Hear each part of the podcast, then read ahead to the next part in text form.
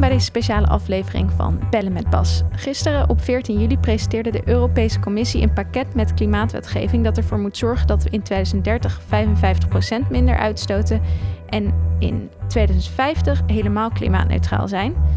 We nemen dit op op 15 juli, uh, de dag dus na de presentatie. En ik ga vandaag met Bas bespreken uh, ja, wat er nu op tafel ligt, uh, wat de belangrijkste onderwerpen zijn en uh, wat er nu gaat volgen tijdens de onderhandelingen.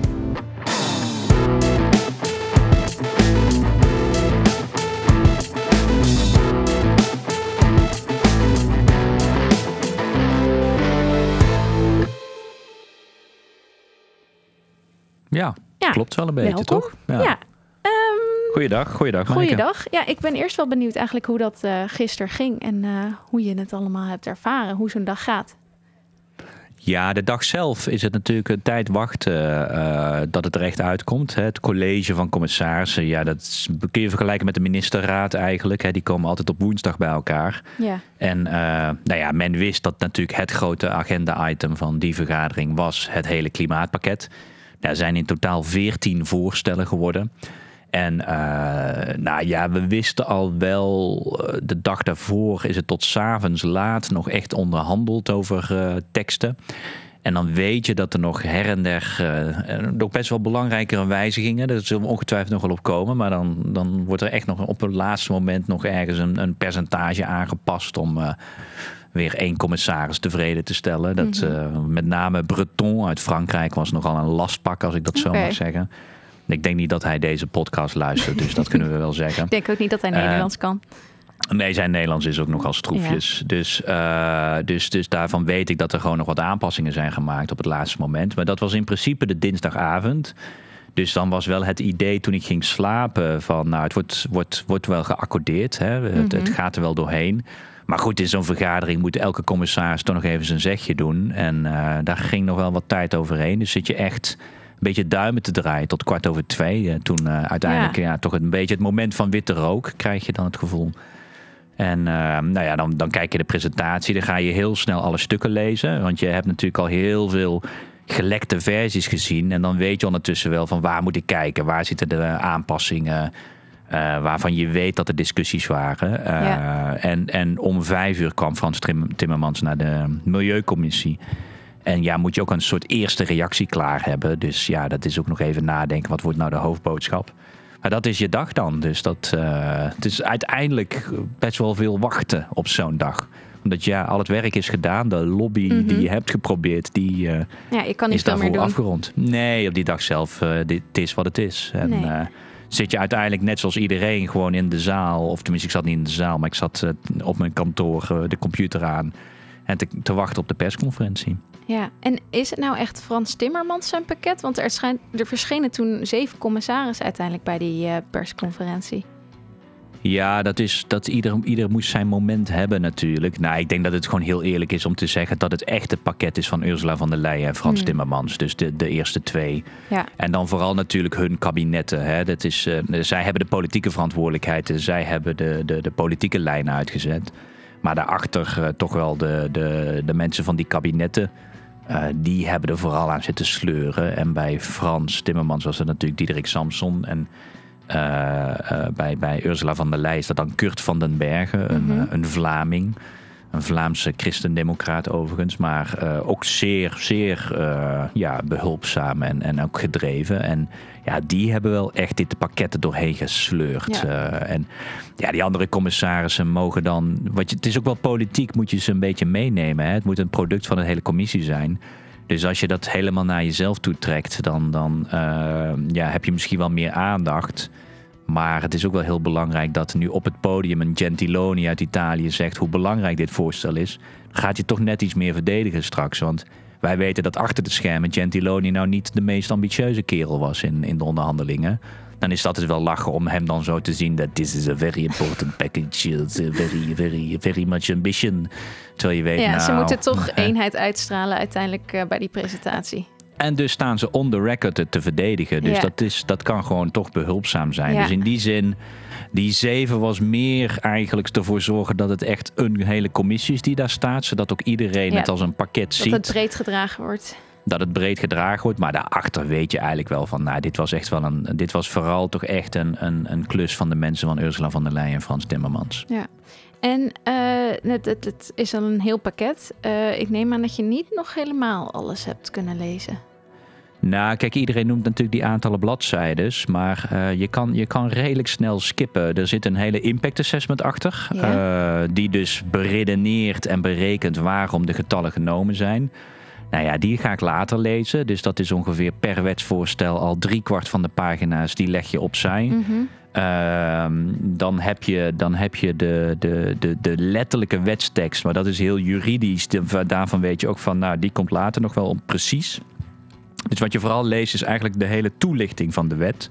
Die best wel heel goed leesbaar is. Want okay. daar staat gewoon uitgelegd wat er in de wet staat. Uh, en, en dat is eigenlijk per wetsvoorstel hoef je dus maar vijf, zes bladzijden te lezen. Okay. Dus dat, dat valt echt wel mee. Ja. Uh, en er wordt soms gesmeerd, gegooid met heel veel bladzijden. Maar ja, dat, ja ik dat, zag ergens uh, 12.000 volgens mij. Toen dacht ik. ja, dat klopt volgens mij wel. Ja. Ja, als je al die, het zijn 14 PDF's, als je die bij elkaar kom je op die aantallen. Maar wat ik zei, drie kwart is impact assessment en hoppakee. En dan ja. zit er nog een zit er nog een bla bla stukje voor. Nou, dat geloven we ook wel. Want het is natuurlijk altijd historisch en ambitieus en geweldig. Ja. Nou, dat kunnen we ook overslaan. Dus, dus uiteindelijk, uh, waar het echt om gaat, uh, is, is redelijk beperkt. Oké. Okay. Nou, dat mooi. Dan kunnen we het er uh, ook echt over gaan hebben. Um, het, het eerste onderwerp waar ik het over wil hebben is het ETS, het emissiehandelssysteem. Daar hebben we het vorige week ook al over gehad. Um, ja. Nog even een samenvatting eigenlijk van wat nou dat systeem is.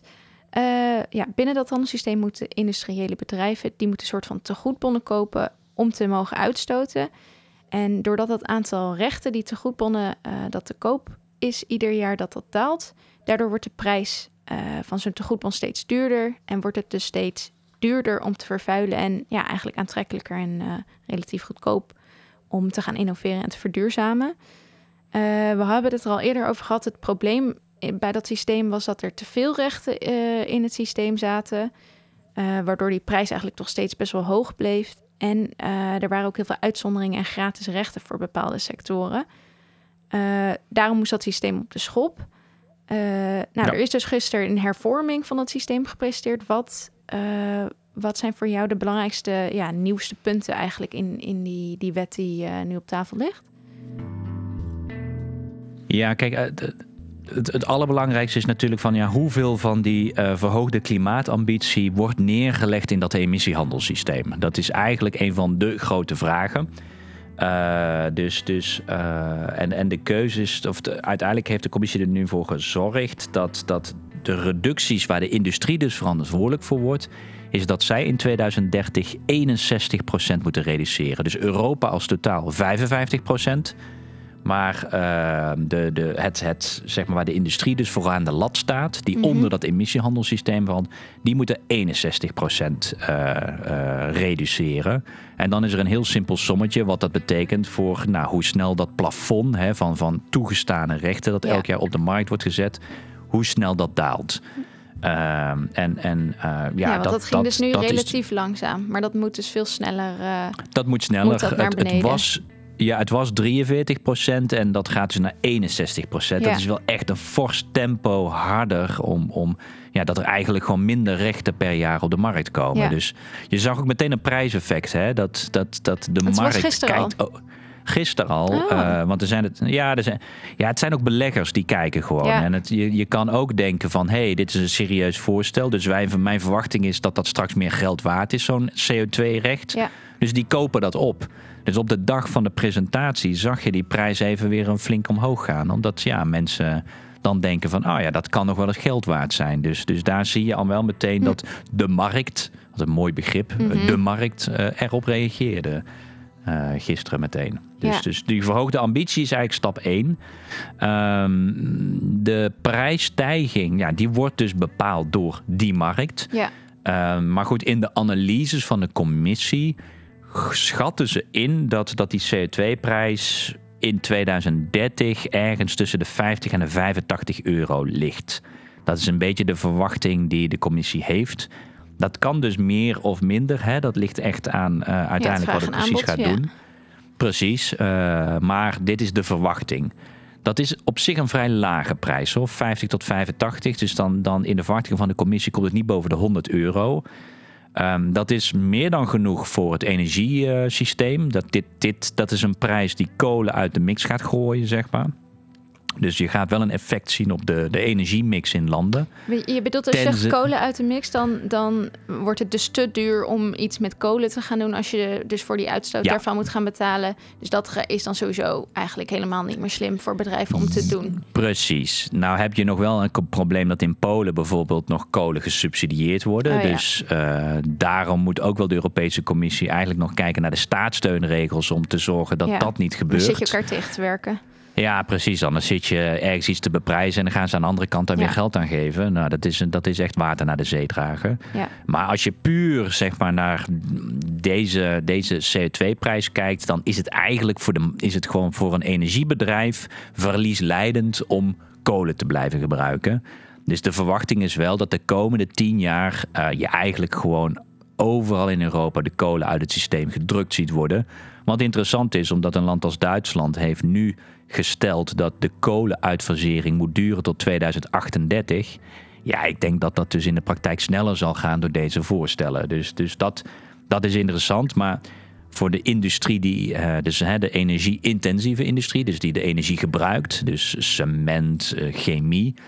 Ja, daarvan is toch de verwachting van om daar echte investeringen te krijgen, ja. uh, zal die prijs boven de 100 euro moeten komen. En dat zit dus niet in de verwachtingen. Dus daar zie je al wel een beetje het eerste probleem van. Gaat die prijs voldoende zijn om echt innovatie te krijgen bij de energie-intensieve industrie? En, mhm. en dat is echt maar de vraag. Dus, dus nou ja, dat, dat, is, dat is wel al, zou ik zeggen, uh, punt 1 waar wij naar zullen kijken. Ja. Um, nou ja, dan verder wat er in de voorstel staat, is nou, die hele discussie die we hebben gehad natuurlijk. Het gaat uitgebreid worden met. Uh, er komt dus een tweede emissiehandelssysteem ernaast. En daar gaan gebouwen en uh, transport onder vallen.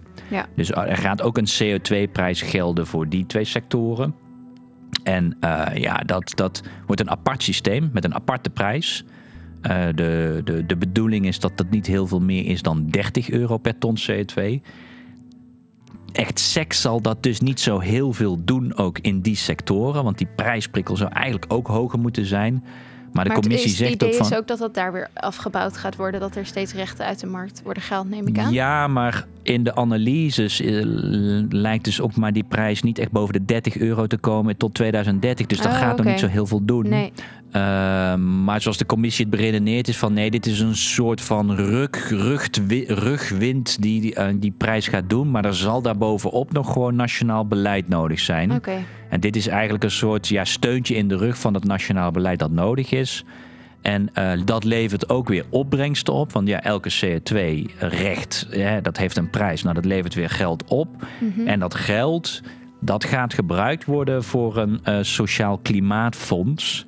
En, en dus eigenlijk is daarmee het idee van dat, wij, eh, dat er een prijs komt voor gebouwen en transport. Om wat geld te genereren, wat dan ingezet kan worden voor nou ja, eigenlijk het, het compenseren in de verschillende EU-landen. En er zit ook een tabelletje in het voorstel waarin dat geld precies over al die landen met een bepaalde verdeelsleutel wordt verdeeld. Dus uh, dat is echt op, een, op, echt op landen specifiek het, uh, de verwachte euro's die, die landen gaan krijgen. En ik neem aan dat, dat het vooral dus armere landen zijn die daar meer van krijgen. Dat Nederland daar niet een heel groot aandeel in zal hebben. Relatief krijgen de arme landen uh, meer, maar het gaat in principe ook naar elk land. En dat is natuurlijk de grote uitdaging. Kijk, er is natuurlijk enerzijds de ongelijkheid tussen Europese landen. Ja. Dus daar kan dat fonds wat heen en weer schuiven. Maar er is natuurlijk ook echt een, een, uh, een sociaal vraagstuk binnen elk land. Want ja, als, als een huis, het huis verwarmen duurder wordt, ja, dan maakt het nogal uit of je wel of geen geld in je portemonnee hebt om die duurdere energierekening te betalen. Dus daardoor moet ook elk land een, een bedrag krijgen om ook binnen het land uh, eigenlijk te kunnen compenseren. En dus ook de grote landen krijgen weer meer geld dan de kleine landen. Ehm, dus in totaal, op absolute getallen, gaat Polen het meeste krijgen. Mhm. Maar bijvoorbeeld een land als Duitsland krijgt ook veel geld. Omdat Ja. daar gewoon, ja, dan- Ook ongelijkheid binnen het land. je hebt 80, 80 miljoen Duitsers heb je. mensen. Dus, eh, Ja. ja. ja, want dus, we- dus eh, dat, zit er, dat zit allemaal ook in die voorstellen. Ja. Ja, want dat, dat fonds wordt eigenlijk dus ook opgezet. We hadden het hier vorige week al over. Het, het risico is dat als je dus ook eh, gebouwen, dus dat is eigenlijk ja, hoe duurzaam is, is je huis, hoe goed geïsoleerd is het. En transport is dus ja, hoe, hoe zuinig is je auto. Eh, als je dat ook binnen ETS gaat doen, dan is het risico dat dat direct naar consumenten, eh, dus huizenbewoners, mensen die in een auto rijden, wordt, wordt doorberekend. En dat fonds is dus om dat effect te compenseren. Ja, dat, dat is het idee inderdaad. Dus ja, dit zijn natuurlijk sectoren die direct bij de consument terechtkomen. Kijk, industrie, kijk, uiteindelijk heeft elke CO2-prijs natuurlijk een uitwerking op een, op een productprijs. Maar bij, bij auto's en bij huizen heb je wel een hele directe link naar de consument. Ja, Eh, en, en je hebt ook geen keuze. Met auto's, met transport nog wel, maar bij, eh, bij je woont in je huis. Eh, in de winter heb je, heb je een verwarming nodig. Het is niet dat je denkt, nou, ik kan even een keus maken hierin. Want natuurlijk het idee bij industriële producten wel is dat je straks een keuze hebt tussen een schoon product en een product waar veel CO2 voor is gebruikt. Dus dan kun je als consument daarin kiezen welke je koopt. En dan wordt de schone hopelijk goedkoper en de vieze duurder. Dat is het idee van CO2-beprijzing. Ja, dat, dat werkt bij een, bij een huis net wat anders. Want ja, dit geld moet gebruikt worden om te gaan isoleren. Dus over tijd gaat het je wat opleveren, maar in het begin niet. Nou, als je minder geld hebt, word je dus meteen geraakt. Dus het sociale effect is groter in deze sectoren. ja. En daarom is er zo'n sociaal fonds nodig. Maar hoe dat precies uitgewerkt gaat worden, van hoe gaan we nou compenseren binnen landen, hè, tussen landen kun je gewoon een potje geld verschuiven. Dat is een verdeelsleutel die Europa kan bepalen. Ja. Maar hoe gaan we ervoor zorgen dat het geld ook goed benut wordt binnen die landen? Nou ja, dat is nog echt nog niet helemaal Nee, duidelijk. en, en dus daar, daar, gaat daar blijven we ook op. niet, niet echt over, toch? Ik neem aan dat dat uiteindelijk bij de Nederlandse regering bijvoorbeeld gewoon komt te liggen hoe ze dat in Nederland eh, precies gaan verdelen. Ja, maar er gaat waarschijnlijk wel een constructie komen dat landen dus met een plan moeten komen waarin ze aantonen van zo gaan we dat geld benutten en dan kan het dus uitbesteed. Dan Ja. gaan ze zeg maar groen licht krijgen om dat geld te krijgen. Maar dat betekent dat de commissie wel weer het op een aantal zaken moet gaan beoordelen. Dat moet ook nog weer vastgesteld worden. Dus eh, dit, dit is nog wel. Ja, het is een nieuw fonds. Ehm, ik snap dat de Europese Commissie het doet, maar het, het is wel weer het zoveelste fonds dat we gaan maken. Met, ik, ja, goed. Dit, dit blijft dus zo'n discussie van: is dit nou de, de jui- het juiste pad om dit te doen? Ja, Eh, daar blijf ik toch. eh. Ja, daar blijf ik vraagtekens bij houden. Maar goed, oké, het voorstel ligt er. We gaan er Ja. naar kijken. Maar dat, dat, klima, dat Sociaal Klimaatfonds is zeker een belangrijk onderdeel van, Ja. het, van het pakket. Oké. Ehm, nog een ander wat, ja, onderdeel wat volgens mij erg belangrijk is, eh, zijn die, die gratis rechten. Wat ik al zei, we hebben het er vaker over gehad dat er waren nogal veel uitzonderingen binnen het emissiehandelssysteem. Eh, ja, dat was eigenlijk bedacht om de, de concurrentiepositie van eh, bepaalde bedrijven en sectoren te beschermen. Ehm, daardoor ja, werd er dus eigenlijk ook nog wel veel gratis uitgestoten. Het idee was dat Mhm. met dit nieuwe voorstel veel van die gratis rechten eruit gehaald zouden worden. Is dat eh, gelukt? Nee, dat is eigenlijk niet echt. Hè. Er is dus ook een voorstel waardoor er een, hè, een CO2-heffing aan de grens Ja. is. En eh, in het voorstel staat dat eh, voor die sectoren die dus uiteindelijk zo'n CO2-heffing aan de grens gaan krijgen. En de sectoren die ze noemen is staal, cement, elektriciteit, kunstmest en aluminium. Dus daar, waar dan, en dus daar komt een soort grensheffing om ervoor te zorgen dat producten die op die Europese markt willen komen, dat die ook voor CO2 moeten gaan betalen. Dat zal dezelfde prijs zijn als de prijs die in het emissiehandelssysteem is. Dus dat is bedoeld om gewoon ja, dat daarmee Chinees staal evenveel betaalt voor haar CO2 als Europees staal. Ehm, maar tegelijkertijd krijgt staal nog steeds gratis emissierechten binnen Europa. En nou ja, het is wel duidelijk dat dat niet helemaal eerlijk is. Dus dat gaat uitgefaseerd worden. En daar is nou het politieke compromis. Dat wordt uitgefaseerd tussen 2026 en 2036. Oké. Ja, dat. Ja, dat. dat ja, wat, wat ons betreft echt een onbegrijpelijk traag proces. Waarin we eigenlijk nog heel lang gratis rechten geven aan die industrie. En dat ja, klinkt terwijl mooi, ze dus al beschermd worden door die grensheffing. Precies. Ja, precies. Kijk, dat je nog even zegt, we moeten even kijken hoe het werkt. Dus we gaan het niet meteen afschaffen, Ja. dat snap ik. Maar dit is uitfaseren tot 2036. Ja, dat is, niet, dat is niet even checken of het werkt. Dat is gewoon nog langer eigenlijk onze industrie subsidiëren. Ja. En dat is vaak dus juist de industrie die dus rechten krijgt om CO2 uit te stoten. Dus daarmee zijn we gewoon eigenlijk vervuilende industrie aan het subsidiëren. Dat is wat het is. En dat gaan we tot 2036 doen. Ja, dat, dat, dat is zeker iets wat wij gaan aanpakken. Ja. Ja. En hoe schat jij in, want er komen dus nu onderhandelingen natuurlijk over. Is, is, denk je dat dat gaat lukken om dat eh, sneller nog uit te gaan faceren? Ja, nou ja, laten we eens gaan kijken. Hè. Kijk, de industrie, dit zal waarschijnlijk de grote discussie worden. Van Ja. wat gaat er gebeuren met die gratis rechten? Hoe snel gaan die uitgefaseerd worden? Ehm, ja, de industrie lobbyt nu al overal om dat te behouden. Dus eh, nou ja, de christendemocraten staan er meestal wel om bekend dat ze doen wat de industrie wil. Eh, dus ik, eh, het gebeurt nogal vaak dat de amendementen die van de christendemocraten komen... nogal één op één zijn te herleiden tot bepaalde industrieamendementen. Dus dat zal weer gebeuren. Daar, zal ik niet, daar ben ik niet naïef in. Ehm, dus dat wordt wel een moeilijke klus om dit aan te scherpen, omdat de industrie hier bovenop zal zitten. Maar tegelijkertijd, dezelfde christendemocraten, die willen ook dat er een innovatiefonds gevuld wordt. En de Oost-Europese christendemocraten, die willen dat er een moderniseringsfonds mee gevuld wordt. Ja, hoe meer gratis rechten je geeft, hoe minder opbrengsten je ja. hebt. Dus hoe, hoe moeilijker je die fondsen kan vullen. Dus, dus nou ja, dat spel, dat gaan we natuurlijk wel spelen. Van wil je meer innovatie, dan zul je toch minder rechten Ja. moeten gratis weggeven. Nou, dat, dat, dat wordt eh, het politieke debat. Ja. Of, eh, en daar zullen wij proberen de balans dus meer naar minder rechten en meer innovatiefonds te brengen. Oké, interessant. Gaan we, gaan we het uiteraard eh, nog vaker over hebben. Laatste vraag nog over ETS is hoe het zit met luchtvaart. Want ik weet dat vluchten binnen de Europese Unie vielen al binnen dit systeem. En we hadden het er eerder Ja. over gehad dat wij eigenlijk graag willen dat internationale vluchten ook gewoon voor hun uitstoot moeten gaan betalen binnen ETS. Eh, Is dat nu toegevoegd ook of eh, blijven die nog eh, ja, erbuiten? nee, ja, je hoort me al zuchten, hè, een Ja. beetje. De luchtvaart, er worden wel stappen gezet, maar bijvoorbeeld al wederom die gratis rechten. Dit geldt dan voor luchtvaart, hè, dus dat valt onder een ander, onder, onder een ander artikeltje, zal ik maar zeggen. Het is nu zelfs ook een apart voorstel. Dus deze twee emissiehandelvraagstukken zijn uit elkaar geha- gehaald. Er zit een knip in. Maar goed, dat maakt verder niet uit. Voor ons de behandeling wel, maar voor, de, voor, voor niemand anders maakt dat uit. Eh, eh, en da- daarin staat voorgesteld dat eh, voor de intra-EU-vluchten die gratis rechten worden afgebouwd.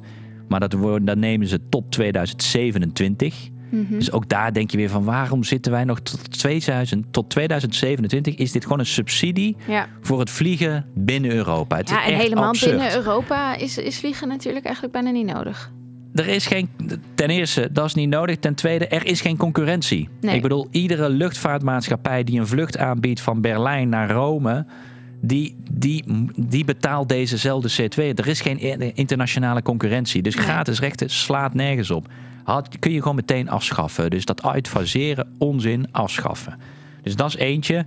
En dan voor de internationale vluchten, ja, heeft de commissie er helaas toch voor gekozen dat we dat VN-systeem gaan eh, eh, doen. Dus Ja. er, is een, er is dan dat, dat VN. Ja, ik wil die afkortingen niet, maar dat is ICAO. ICAO. Kunnen we ook nog eens een keer een podcast over Mhm. Ja, maken. joh. Verschrikkelijke organisatie. Zit in Montreal, mooie stad, maar Mhm. eh, verder eh, gebeurt vrij weinig op internationaal gebied. Ehm, en ja, dat, dat, dan gaan we dus een eigenlijk niet echt functionerend internationaal systeem. En dat wordt nu een beetje gekoppeld aan het Europese emissiehandelssysteem. En dan zeggen we dus, nou, nu hebben we de luchtvaart getackeld. Ja, nou ja, goed. Dat, eh, denk, daar kun je wel verwachten dat het Europees Parlement dat wat gaat aanscherpen. Ja. Ja. Oké. Nou, dan eh, gaan we het binnenkort hebben over hoe die onderhandelingen verlopen. Hoe het met de gratis rechten gaat, het klimaatfonds eh, en de luchtvaart.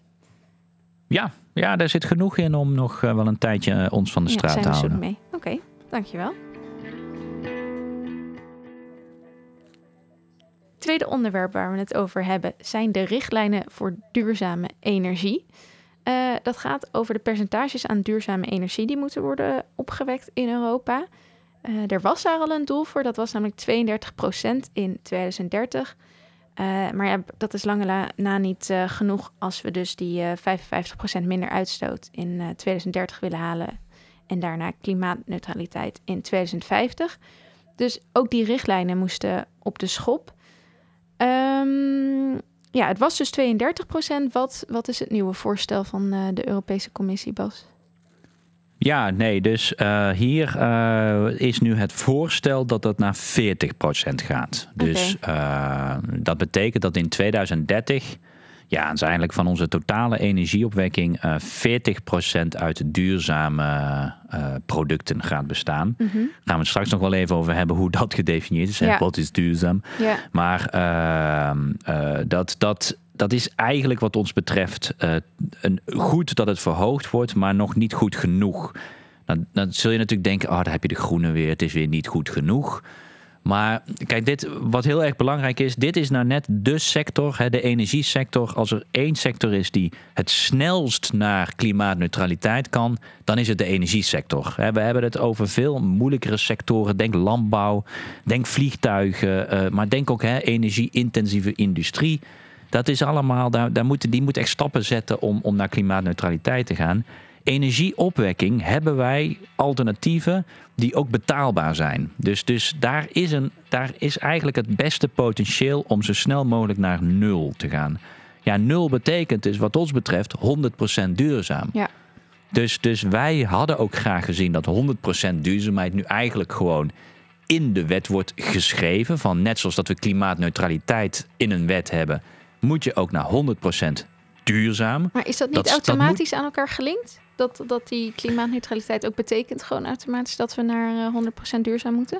Nee, ik zou je aanraden om met een gaslobbyist te gaan spreken. Oh. oh ja, misschien eigenlijk ook niet. Die zal namelijk zeggen: nee, nee, nee, nee. Wat je ook kan doen is gas gebruiken en dan CO2 onder de grond opslaan. Oh dan, heb je ook, dan heb je ook een nul uitstoot. Ja.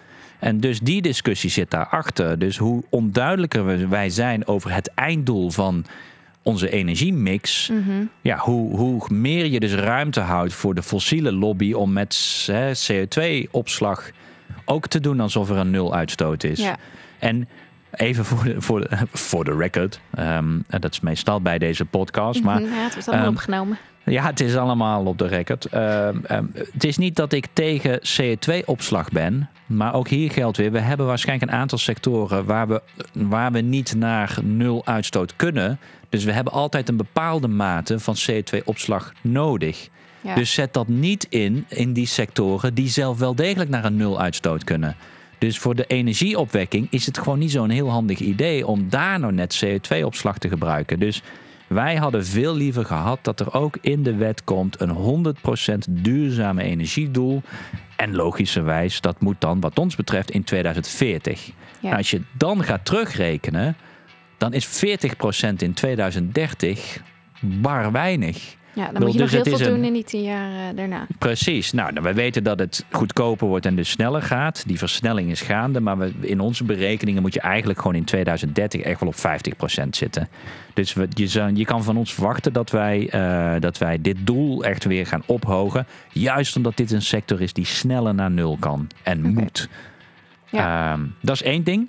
Uh, de andere discussie die groot zal zijn in, deze, in dit dossier is natuurlijk dat de Europese Commissie er niet voor gekozen heeft om landenspecifieke doelen te maken. Dat hadden we wel voor 2020. Dus in 2020 uh, was het doel 20%. Dat hebben we gehaald. Maar daar zat achter voor elk land een specifiek doel. Maar was er toen ook niet uitwisseling nog mogelijk? Ik kan me iets herinneren ja, dat, dat, Nederland nog weer van Denemarken zeg maar, rechten uh, heeft gekocht. Ja. Of ja. Ja, dat was, dat was een beetje. Ja, goed, dat, dat was dan niet ons idee. Maar goed, oké. om een beetje flexibiliteit te hebben. Dus in principe moet elk land naar duurzame energie. En Nederland had 14% als doel. Nou, wij hebben daar een energieakkoord voor nodig gehad om een beetje op gang te komen. Maar dat was te laat. Gebeurt wel eens vaker bij Nederland dat we mhm. wat laat wakker worden. Dus die 14% hebben we niet gehaald. Ja. En vervolgens om toch maar op papier 14% te halen, hebben wij wat duurzame energie, uh, nou ja, credits gekocht van die landen die hun nationale doel aan het overshooten waren. Die dus meer deden dan hoefde van Europa. Zodat er op het Europees gemiddelde wel gewoon uitkwam op die, die doelen die Energie, of het gemiddelde is gewoon, die 20% hebben Europees netjes gehaald. Maar sommige landen hebben meer gedaan en sommige landen hebben minder gedaan. Nederland. Ja. En vervolgens, om dat ja, in de boeken goed te doen, hebben wij gewoon geld betaald aan Denemarken bijvoorbeeld. Dus ja. dankjewel Denemarken. En dat hebben we geld betaald. En je hoort wel eens soms Kamerleden, partijen zeggen: Nou, weet je, het is slim om een beetje de andere, andere landen oplossingen te laten verzinnen. Nou, hier zie je dus dat via deze methodiek we er ook gewoon uiteindelijk voor moeten betalen. Dus, dus zo slim was het allemaal niet. Maar wij hadden dus graag gezien dat dat idee van nationale doelen gecontinueerd wordt na 2030, omdat Kijk, het is wel mooi als heel Europa beter wordt in duurzame energie, maar we hebben een groot probleem met de ongelijkheid in Europa. En ja, investeerders kijken naar Europa toch als één continent, dat energienetwerk. Waar gaan we in investeren? Mhm. Als, als er grote verschillen zijn binnen de EU, wordt het ook weer moeilijker om een gezamenlijk net te, te regelen. En daarom moet je eigenlijk elk land duwen van jullie moeten harder. Kijk, een land als Zweden of Denemarken hebben waarschijnlijk geen nationaal doel meer nodig. Maar landen als Polen, landen als Bulgarije, Roemenië, die echt wel. Ja, dat doen we nu niet. Dus we hebben straks een Europees 40%, wat waarschijnlijk wel gehaald wordt. Maar met hele grote verschillen in duurzame energie binnen de Europese Unie. Wat weer gevolgen heeft voor het netwerk. Nou ja, daarom hebben wij zoiets van, dat moet echt, de commissie had hier, als je nou meer ambitie wil en de landen een beetje uitdagen, had nou bij deze richtlijn de landen wat meer, uh, nou ja, gewoon wat aan zitten sporen. Dus hier heeft de commissie toch, toch een beetje het niet aangedurfd. Ja. Nou, dan ja, gaan want het wordt ook veel meer afdwingbaar, lijkt me, als je dus zo'n nationaal uh, doel hebt. Nu wordt het moeilijk om echt naar de specifieke landen te gaan wijzen en te zeggen dat zij meer moeten doen. Ja, daar zit dan weer een heel complex governance systeem achter. Want dan hmm. hebben we dus niet nationale doelen. Maar ja, Europa moet wel tot 40% komen. Dus dan gaat er een soort governance systeem komen. Waarin er een berekening is wat landen zou moeten doen. En dan ga je daar met allerlei aanbevelingen proberen te duwen. Dat had zoveel simpeler gekund. Dwingender en simpeler. Maar ja, lidstaten vinden dat niet leuk. Hè? Want dan gaat Brussel weer. Maar ja, dit is nou, dit is nou net zo'n front waarvan wij vinden... Hier, hier had de commissie gewoon meer verantwoordelijkheid kunnen afdwingen bij, bij landen. Ja, ja nou, dat, dat gaan we dan maar proberen erin te stoppen in de onderhandelingen. Oké, en het tweede uh, wat je net al zei, de vraag van wat, wat is dan duurzame energie? Dat is blijkbaar ook niet duidelijk uh, ja, voor iedereen. Er zijn verschillende meningen over. Nou, kijk, en dan komt hier natuurlijk de grote discussie biomassa om de hoek kijken. Uh, kijk, we hebben geen discussie over is wind of zon of, nee, of getijdenenergie of, uh, of hydro, hè, waterkracht. Dat is, dat is duurzaam. Uh, maar biomassa valt er ook onder. Nou, kunnen we een hele discussie over hebben, is dat, is dat goed of niet?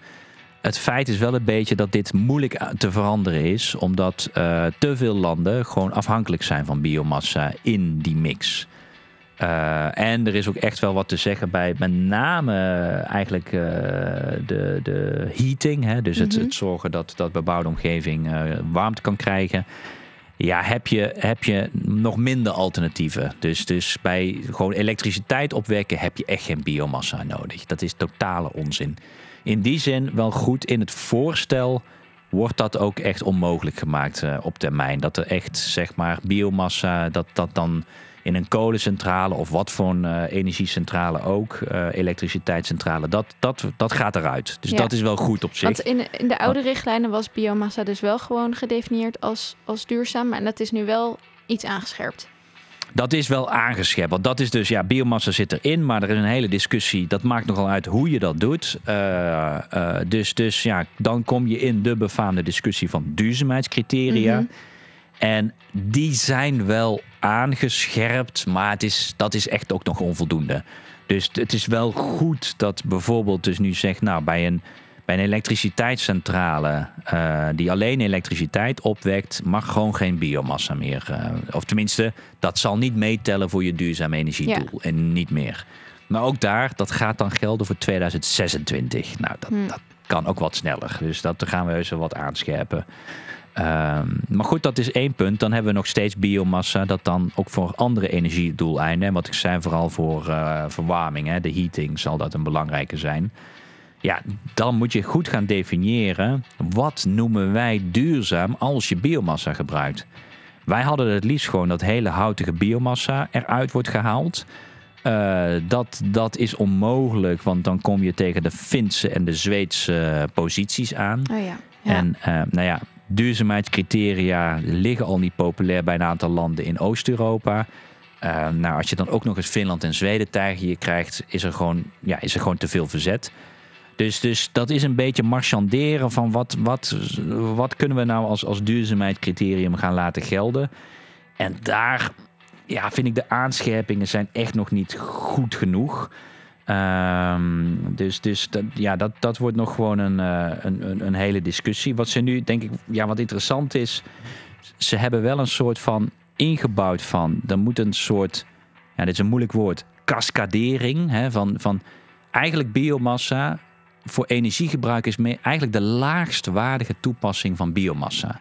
Okay. Je hebt veel, ja, de, eh, een hoog, hoger waardige toepassing is bijvoorbeeld gewoon gebruik het voor meubels. Ja. De, zeg maar de IKEA.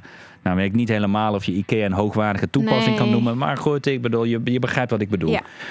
En je wil eigenlijk alleen dat het echt, echt de laatste reststromen van hout, dat, dus, dat er dan niet meer gebruikt wordt of uit producten komt die niet meer hergebruikt kunnen worden. Ja, dan je zou je er verbranden. nog energie. Ja, dan kun je nog de energie uithalen. Dan, Ja. dan, dan is het inderdaad echt een reststroom en eh, moet je, dan, dan kun je het een duurzame energiebron noemen. Het probleem is natuurlijk, hoe definieer je een reststroom? Want dat is heel moeilijk te controleren. Ja, dat Nou, zou iets zijn wat, juist wat over is en waar anders niks mee, mee wordt gedaan. Precies, en dat betekent eigenlijk dat je moet gaan definiëren die cascadering van, van, van wat hè, dat, dat de eerst hoogwaardige toepassing en dan uiteindelijk de echte laatste stap is, is, Ja. is de reststroom, is, is verbranden. Eh, ja, en, en, maar dat, dat, dat is eigenlijk nog niet vormgegeven. En daarvan heeft nu de commissie gezegd van nou, daar gaan we nog met een speciaal voorstel voor komen. Hmm. Dus eigenlijk het hoofddebat staat hierin aangekondigd. Maar dat wordt dus in zijn zeg maar tweede niveau wetgeving gaat dat uitgewerkt worden. Is dat dan juist Dat ook heet- omdat het zo gevoelig ligt? Dat ze denken, nou daar branden Ja. we onze handen niet aan. Dat stellen we nog even uit. Ja, omdat, omdat er gewoon niet een, een, een, nu een, criteria, een criterium was vast te leggen wat, wat op voldoende steun kon rekenen. Dus hebben ze eigenlijk dit in het, op het tweede niveau. Dat is, heet dan in Europees jargon een delegated act. En daar gaat dan eigenlijk nog deze hele wezenlijke discussie Ja. in terugkomen. En eh, nou ja, dat, dat, dat laat zien dat we deze discussie, die is echt nog voorlopig niet af. En daar is eigenlijk de meeste kritiek op te geven als je gaat kijken naar nou ja, de, deze richtlijn op duurzame energie. Ja. Oké, nou, dus we gaan eh, naar de onderhandelingen. Gaan we kijken of we dit, eh, dat doel nog iets verder omhoog kunnen krijgen. En of die eh, criteria voor biomassa aangescherpt kunnen worden. Absoluut, ja, dat, dat wordt onze grootste inzet. Een, meer ambitie en betere duurzaamheidscriterium. Ja. Oké, dankjewel. Ja.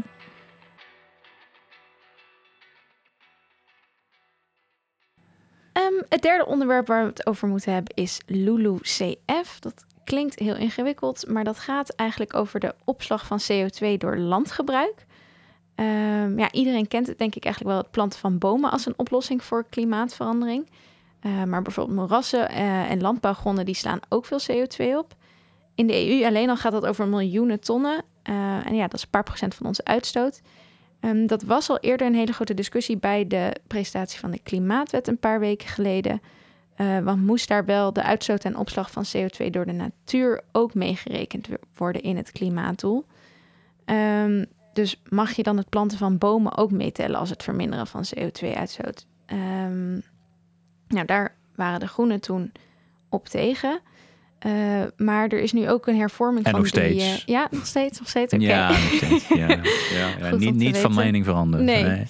Nee, nou, de- die discussie eh, over die opslag gaat, gaat verder. Want er zijn dus richtlijnen voor opslag van CO2. Eh, die EU-afkorting is dus LULUCF. Met doelen en voorwaarden staan erin voor het wel of niet meetellen van CO2-vermindering. Eh, ja, dat is nog een heel complex systeem. En dat was dus nu ook weer toe aan een update, omdat we dus nieuwe klimaatdoelen hebben.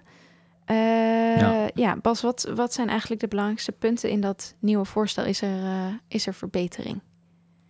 Ja, nee, dit is, dit, dit, dit, is nou precies de reden waarom we zoiets hadden van, van hou die twee zaken nou gescheiden. Hè? Je hebt de uitstoot van, van ons allemaal en dat moet terug naar nul uiteindelijk. Uh, en je hebt landgebruik. En dat neemt, hè, zoals je terecht zegt, dat neemt CO2 op als je het goed doet. Want landgebruik kan ook uitstoten. Hè, dat is uh, nou, vandaag toevallig in het nieuws dat bijvoorbeeld bij het Amazonegebied je nu steeds meer ziet dat door klimaatverandering juist bossen meer CO2 gaan uitstoten dan dat ze opnemen. Dus, dus dat heeft ook te maken als je slecht bosmanagement doet. Uh, want ja, bossen worden ook gekapt bijvoorbeeld. Ja, dan krijg je ook een uitstoot van CO2. Want een boom slaat CO2 op onder de, onder de bodem met name. Natuurlijk ook in de takken. En, en, maar goed, die worden geoogst en in principe mm -hmm. gebruikt voor iets. Maar onder de grond, het hele wortelstelsel, is allemaal CO2-vastlegging.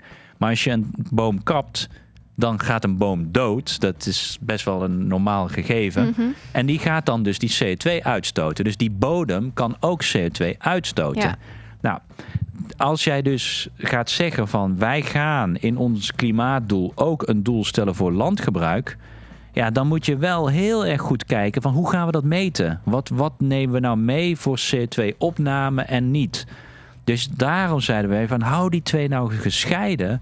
Want, want dit is, dit, hier zitten veel meer onzekerheden in. Hè? Wat een industrie uitstoot is makkelijker te meten dan wat een boom onder de grond op CO2 aan het opslaan ja. is. Dus veel grotere onzekerheden, maar ook een maatregel. Kijk, een fabriek die een ander productieproces gaat doen. Ja, die ombouw doe je voor een lange tijd. Je hoeft, je hoeft niet bang te zijn dat daarna, na een paar jaar, de industrie denkt: Nou, weet je wel, gaan we weer lekker terug naar de oude. Mhm. Maar een boom planten, ja, die boom kan doodgaan. Die boom kan ook weer gekapt worden. Ja, dan is, ben veel je meer risico. CO2 vast.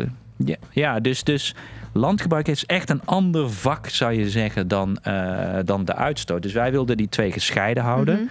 Um, is in die klimaatwet uiteindelijk in de onderhandelingen wel iets wat gelukt door te zeggen dat 55% reductie, daarvan moet 2,2% door landgebruik gebeuren. Dus eigenlijk is het klimaatdoel van Europa niet 55%, maar 52,8%. Dit is ook een van de redenen waarom wij tegen waren. Het Ja, is niet ja, ja. 55%. Het is 52,8%. En die 2,2% dat is dus eigenlijk een extra CO2-opname door landgebruik die landen moeten gaan doen. En hoe ze dat gaan doen, nou, dat wordt in dit deel van de wet eh, voor vastgesteld. En dat is inderdaad LULUCF. En dat staat dus voor Land Use, Land Use Change en Forestry.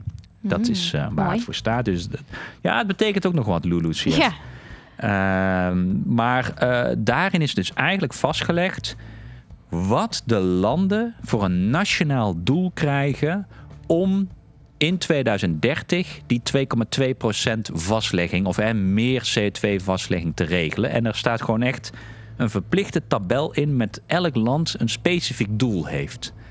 En dat is op zich wel goed, want tot nu toe was dit voorstel, hè, het bestond al wel, maar dan was het eigenlijk meer een, eh, ja, een methode hoe je CO2-vastlegging gaat rapporteren. Is ook weer van belang voor het klimaatakkoord van Parijs. Want daar moet je ook rapporteren aan de Verenigde Ja. Naties hè, hoeveel je vastlegt. Ehm, ja en Dus hoeveel dat je ook stond- niet vastlegt, denk ik toch? Dus juist hoeveel er Precies. gekapt is, bijvoorbeeld. Ja, maar eigenlijk was, was die berekening tot nu toe redelijk simpel. Eh, dat wil zeggen dat elk land een soort, eh, soort maximum had en daar mocht je niet onder komen. Dus Ah, op het moment alleen als je, als je echt je hele bossen ging kappen, dan kom je boven een bepaald punt. En dan zou het negatief gaan meetellen. Maar zolang je onder dat punt bleef, was eigenlijk landgebruik oké. Ja. Nou ja, dat, dat is natuurlijk onvoldoende als je echt een doel moet halen, die 2,2 procent. Dus nu wordt dat aangescherpt. Dat gaat gebeuren na 2025. Dus tot 2025 houden we de, de, de, de klassieke aanpak die er nu is. En dan tussen 2026 en 2030 moeten landen die nationale doelen gaan halen. En daar heeft gewoon elk land een, een, een doel gekregen. Waarin natuurlijk de grotere, bosrijke landen natuurlijk meer doelstellingen hebben. En het land dat het meeste moet gaan vastleggen is Zweden. Dat is qua oppervlakte gewoon een heel groot land. En heeft ook nog eens heel veel bomen. Dus Zweden heeft de grootste opgave. Maar ja, ook andere landen hebben natuurlijk veel mogelijkheden. En betekent maar er zijn dat nou vier voor landen. Een, een land als Zweden, moeten zij dan nu eh, de bomen bijvoorbeeld bij gaan planten? Of betekent dat vooral dat ze niet alles kunnen gaan, gaan kappen? Nou ja, dat, is dus, eh, dat wordt dus het interessante. Eh, en daar komt dan een hele discussie die super gevoelig ligt in Zweden en Ja. Finland. En dat gaat over duurzaam bosgebruik, sustainable forest management. Dat is een prachtige term die elk land ongeveer gebruikt. Eh, want elk land doet natuurlijk aan duurzaam bosgebruik. Ehm, maar dat is allemaal nationaal ingevuld wat je daarmee bedoelt. Hm. Daarom is er ook een bossenstrategie gekomen tegelijkertijd. Dat is niet bindend, maar dat is wel een strategie die eigenlijk de hele discussie wel over bossen eh, start. Super, super gevoelig in landen als Zweden en Finland. Want eigenlijk willen wij vanuit Europa meer sturing hebben. Wat noemen wij nou duurzaam bosgebruik? Hè? Ja. Sustainable forest management. Wat is dat nou? En eh, ja, in Zweden heb je echt toch wel dat je nog best wel grote mate van boskap kan tellen tot duurzaam bosgebruik. Nou, dat gaat echt moeilijker worden. Eh, en ja, Zweden zal dus met haar beleid om die extra opname van CO2. Ja, zullen ze beleid moeten maken. Daar zijn natuurlijk wat regels voor. Maar in principe wat ze moeten doen is aantonen dat ze of inderdaad bomen planten. Mhm. Of op een duurzamere manier bomen kappen. Ja. Nou ja, dat, dat, dat, dat zijn natuurlijk twee manieren op hoe je een, dat kan een duurzame doen. Hè? manier bomen kappen, wat moet ik me daar precies bij voorstellen?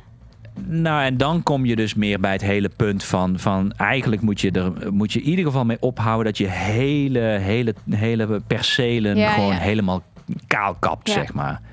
Eh, maar je kan natuurlijk wel bossen veel gerichter kappen. Kijk, eh, het is natuurlijk, het is, bomen gaan gekapt worden. hè. Zeker in, in boslanden als Zweden en Finland. Hè. Die daar hebben een hele, er is een hele industrie die daarop eh, gebouwd is. En we gaan ook hout nodig houden. Maar de manier waarop jij bomen kapt, kan echt een heel groot verschil maken. Gewoon voor de hele CO2-vastlegging onder de grond en alles. Dus hoe je dat doet, ja, dat gaat een groot verschil maken. En ja, daar moet je dus eigenlijk gewoon vanuit Europa meer op gaan sturen. Dat je dat op een goede manier doet. Zodat jij kan aantonen dat jij, ondanks dat je nog steeds bomen kapt, je toch meer CO2 gaat vastleggen. Ja. Dat kan.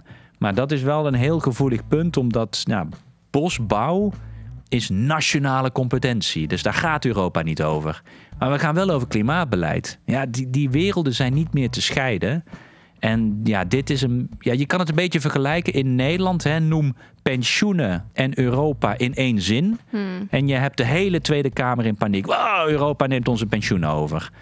Meestal is dat een stuk genuanceerder. Ook bijvoorbeeld dan dat onze pensioenen een miljard euro. Het zijn- gewoon beleggingsfondsen. Dus, dus zo onschuldig is het allemaal niet. Dus dat Europa zegt misschien wat regels voor de financiële markten eh, niet onverstandig. Maar goed, in de Europese of in de Tweede Kamer is gewoon hè, eh, Europa pensioen in één zin en eh, je hebt de aandacht. Ga naar Stockholm, ga naar Helsinki en je zegt daar bossen en Europa in één zin. En je hebt daar de parlementen helemaal in paniek. Ja, Eh, maar dat, die de discussies zijn onvermijdelijk. Omdat ze ja, het is zullen daar niet meer klimaatbeleid. onderuit kunnen. Plus, Zweden en Finland wilden ook dat landgebruik onderdeel werd van het doel. Dus Ja. als jij onderdeel wil worden van het doel, ja, dan, dan gaan we dus ook met iets met bosbouw doen. Ja, Ja, wie want A ik neem aan, zij B. willen dat het onderdeel is van een doel, zodat ze kunnen zeggen, ja, we zijn heel goed bezig, want we, we hebben zoveel bossen en dat compenseert Ja. heel erg. En eh, wij gaan Wij dat doen het heel goed, wij doen het heel goed, dus Europa mond houden. Ja, zo werkt het toch echt niet. Dus eh, ja, we gaan nu gewoon, ja, met dit voorstel gaan wij krijgen dat landen dus een nationaal doel krijgen voor landgebruik. En landen zullen moeten gaan aantonen hoe ze die doelen halen. halen. Mhm. Ehm, wel even er- toch nog een leuk feitje, want alle landen krijgen dus een doel om meer CO2 te gaan vastleggen. Maar er zijn vier landen die eh, mogen zelfs nog wat extra CO2 gaan uitstoten. Dus Mhm. die hebben een doel waarin je meer mag gaan uitstoten. En die vier landen zijn Malta, nou dat is niet een supergroot land, eh, Ierland, Denemarken en Nederland. Dus wij met ons landgebruik mogen wij zelfs nog tot 2030, zelfs althans in het voorstel van de commissie, mogen wij nog wat uit gaan stoten. Ja. Extra uitstoten. Uh, en dat wordt dan gecompenseerd door de andere landen, zodat in totaal dat iets, iets zeg maar, zodat in totaal van Europa die 2,2% wordt. Ja, want ik neem aan dat het nou, is omdat het in Nederland en die andere landen dus nog een stuk moeilijker wordt om uh, nou, kijk, dat terug te brengen. Het, het, is terecht dat Nederland uh, moeilijk hele bossen kan planten. Ja, dat zouden we op zich wel kunnen, maar het is best wel dicht bevolkt. Mm dus dus dat, dat, dat er een onderscheid weer is in landen, dat lijkt me weer logisch dat Nederland een, dat we zelfs meer mogen nog uitstoten dan we nu doen, vind ik zelf nog wel wat overdreven. Maar goed, dat, dat, is, dat is toch omdat wij eigenlijk ook vinden van er kan nog meer uit landgebruik haal, gehaald worden. Mhm. Eigenlijk zijn de potenties wel het dubbele. Maar dan moet je dat wel goed gaan regelen. Dus, dus e-, eigenlijk kan hier het ambitie, ambitieniveau nog wel omhoog. Maar wij willen dat dus wel gescheiden van die doelstelling. Eigenlijk hadden we gewild hè, 60 of 65 procent reducties. En, en ga dan 4 à 5 procent nog vastlegging van CO2 met, via land doen. Ja. Ja, dat zit nu allemaal in die 55. En dat is dus op 2,2 gezet. En ja, die, die wordt dus nu ingevuld in dit voorstel. Ja. Oké.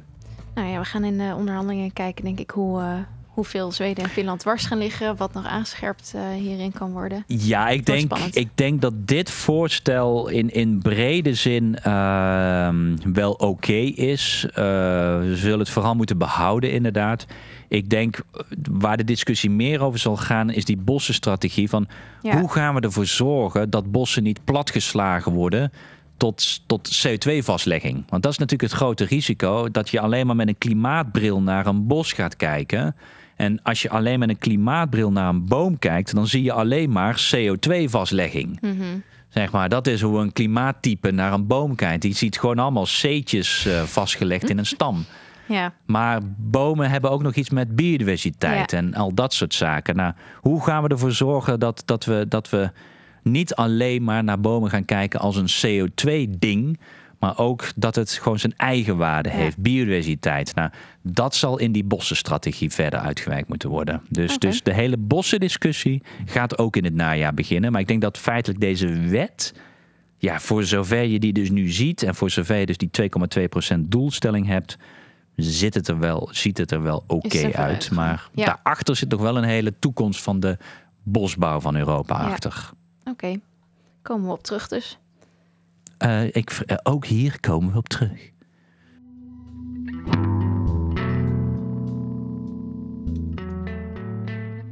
Het vierde onderwerp waar we het over gaan hebben, dat zijn de energiebelastingen.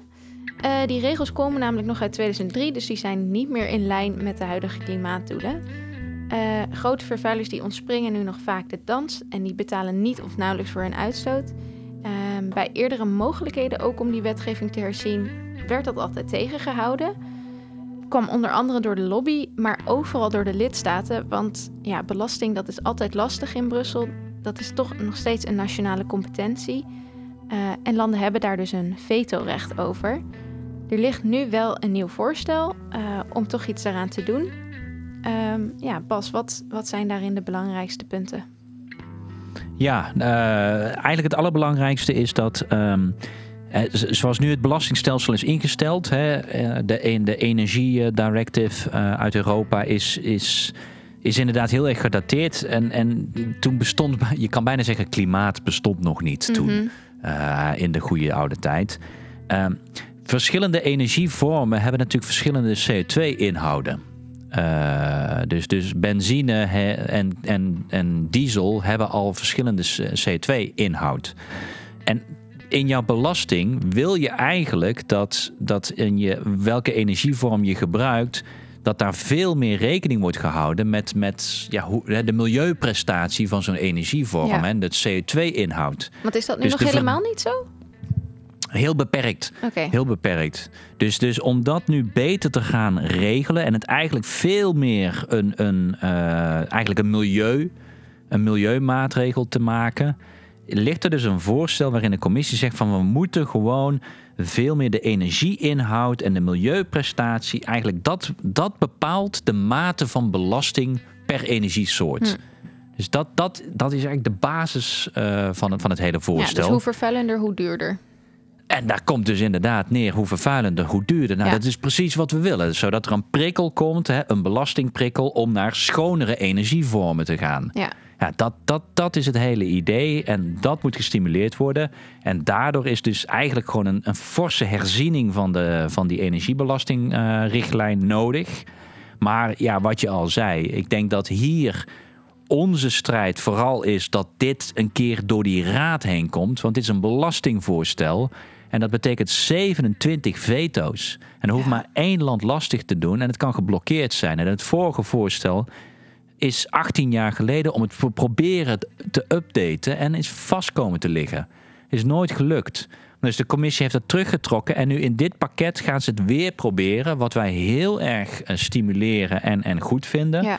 Maar ja, de kans dat één land het gaat blokkeren. En nou ja, ik zal eens een land noemen die tot nu toe het heel vaak blokkeert: Luxemburg. Uh, je weet wel waar iedereen tankt als je door oh, Luxemburg heen rijdt. Ja, dat, dat is precies de reden waarom Luxemburg dit liever niet heeft. Nee, zij willen dat graag zo houden. En zo'n heel klein landje, het is een mooi land, maar op belastinggebied is het een, uh, een naar land. Net zoals Nederland trouwens. En uh, die, ja, die kan dit blokkeren in zijn eentje. Dus dat, dat wordt echt de grote crux uh, van dit voorstel. Dus we zijn best wel tevreden over dat de commissie dit toch weer een keer probeert. En ook weer ja, toch echt een soort ja, nieuwe volgorde aanbrengt van wat krijgt meer en minder zeg maar belastingaanslag. Ja. Uh, maar de grote vraag wordt wel: gaat het lukken om dit er doorheen te krijgen? Door de raad, dus met name. Ja, ja en wat volgens mij ook belangrijk is, is uh, die kerosinebelasting. Want volgens mij betaal je nu wel over de meeste vormen van energie betaal je wel een belasting. Maar kerosine, is waar vliegtuigen op vliegen, daar betaal je nog niks voor? Of daar betalen ze Uitgezonderd. Ja, ja dat, dat is uitgezonderd daarvan. Hè. Dat, is, dat is onderdeel van die internationale afspraken. Uh, dat komt een beetje uit na de Tweede Wereldoorlog. Was het idee, als we nou meer met elkaar gaan verbroederen en samen zijn, dan gaat er geen oorlog komen. Op zich een mooi streven. Uh, maar daardoor is het dus ook afgesproken, we gaan niet op een vliegtuig uh, brandstof, kerosine dus, gaan er geen belasting heffen. Nou ja, dat, dat, dat is denk ik dat is een beetje onzin geworden ondertussen. Want we zien ook dat luchtvaart ook wat nadelen heeft. Zeker uh, op milieugebied. en uh, nou ja, dan, dat gaat wereldwijd nog niet 1, 2, 3 lukken. Want dan moet je dat hele verdrag aanpassen. Maar we kunnen natuurlijk als Europa zeggen van wij gaan Europees wel een belastingtarief ook op kerosine. En als je diezelfde grondslag gebruikt voor energiebelasting en milieubelasting, ja, dan moet kerosine ook een tarief krijgen. En in dit voorstel gaat de commissie dat uh, doen. Um, wat positief is, maar ook hier geldt wel weer dat je al in het voorstel zie je de compromissen al. Mm. Het, is dus, uh, het wordt ingefaseerd over een tienjaarsperiode tot 2033 voordat het dat niveau raakt. Dus dat je alweer aan al die hele tekst ruikt compromis al. Is dat dan de lobby die daar uh, zo, ja. zo zwaar op zit? Of zijn ja. het ook lidstaten die die kerosine-tax niet willen? Ja, dat is, dat, is, dat is één op één. Er zijn gewoon landen die daar lastig over doen. Zeker ook de landen die daar een flinke luchtvaarttak hebben. Ja, ja. Uh, maar ook Luxemburg. Dus daar zit lobby en landen door elkaar heen. En de commissie probeert al een beetje in haar voorstel. Ja, de, de, de, de lobby een beetje wat softer te maken. Door, door met dit soort zaken te komen. Ook, ook absurd. Private jets, privévliegtuigen zijn uitgezonderd. Het is oh. toch absurd? In dit nieuwe ja, voorstel ook. Ja, dus dan heb je een kerosinetax, maar dat geldt niet voor, dat geldt niet voor uh, private jets. Maar wat, wat is daar de logica achter? Want ik zou eerst denken, ja, die extra belasten al sla je me dood. Ik, ik weet het niet. Dit is, dit is, ik weet niet, misschien dat, dat men hoopt zo dat de premiers van landen niet lastig gaan worden. Of, dit, is, dit, zijn van die, uh, dit zijn van die rare dingen in die voorstellen dat je denkt, nou, deze, deze gaan we eruit halen. Dus dat, uh, maar het probleem is wel hier, dit is een belastingvoorstel. Dus wij als parlement zijn niet co-wetgever. Dus wij kunnen... Ah. Wij kunnen het wel gaan amenderen en een advies uitbrengen, maar het is niet bindend. Dus de lidstaten zullen dit in diepe laag stoppen. Ze moeten het echt met elkaar uh, moeten ze dat uitvechten. Ja, want daar geldt unanimiteit, dus gaan wij er niet over als Europees parlement. Dus wij zullen natuurlijk gewoon een standpunt innemen, maar dat is niet zo bindend als bij alle anderen. Zijn we gewoon medewetgever. Hier zijn wij ja, parlement met adviesrecht. Dat is wat we en doen. Heb je dan nog dus zoiets van bepaalde lidstaten, lidstaten die, die zijn echt aan onze kant, die hebben groene regeringen, daar kunnen we via die lidstaten dan invloed uitoefenen? Of? Ja, Ik, denk, ik denk dat, uh, dat, dat, dat we wel hier op steun van België. En hier is bijvoorbeeld Zweden weer behulpzaam. Oh uh, dus, dus hier kun je wel weer rekenen op die landen. Uh, ik ben een beetje benieuwd naar wat hier. Dit wordt een interessant dossier wat Nederland gaat doen. Nederland vindt belastingdossiers altijd wat spannend. Hm. Uh, maar goed, Nederland heeft ook altijd wel gezegd: wij willen een kerosinetax. Dus, dus Nederland steunt dit in principe. Maar ik ben wel benieuwd nu, nu de kleine lettertjes duidelijker zijn. Van ja, gaat Nederland ook ervoor vechten dat het sneller wordt ingevoerd? Dat private jets niet worden uitgezonden? Ik bedoel, dat soort dingen. Uh, ja, hoop je toch dat Nederland ook met ons mee gaat vechten. Maar dat, ja, ik denk, dit is zo'n typisch dossier waarvan je kan zeggen. Uh, dat wordt pas duidelijk als ons kabinet niet meer demissionair is en dat er een nieuw regeerakkoord staat. Dan, dan zul je hier meer een duidelijk standpunt van de Nederlandse regering op krijgen. Oké. Vermoedelijk. Vermoedelijk. Ja, dat kan nog even duren. Ja, ja, en, uh, ja en, en verder zit er dus ook wel dat, dat zeg maar, je hebt nog de hele discussie over hè, de sustainable advanced fuels. Hè, dat is ook waar de KLM altijd, hè, we moeten gewoon groene brandstof, schone brandstof. Ja, om dat te stimuleren uh, heeft de commissie gezegd, nou die mogen voor tien jaar uitgezonderd worden van zo'n kerosinetax. Hè, om dat te stimuleren. Okay. Uh, dan kun je zeggen, nou dat is toch best wel goed. Maar dit gaat er weer toe leiden dat we natuurlijk... Wat is een sustainable advanced fuel? Ja, is dat een gaat het om bestaande brandstoffen dan al? Of dingen die nog ontwikkeld moeten worden? Nee, die moeten in principe ontwikkeld worden. Maar je kan ook zeggen, is dat frituurvet? Vraagteken. Uh, dus, dus ook hier ga je weer een discussie krijgen over wat dat is. En eigenlijk slaat het nergens op. Want of je nou een zogenaamde advanced fuel bent of gewoon kerosine... uiteindelijk de CO2-inhoud zou gewoon moeten bepalen tarief. Ja.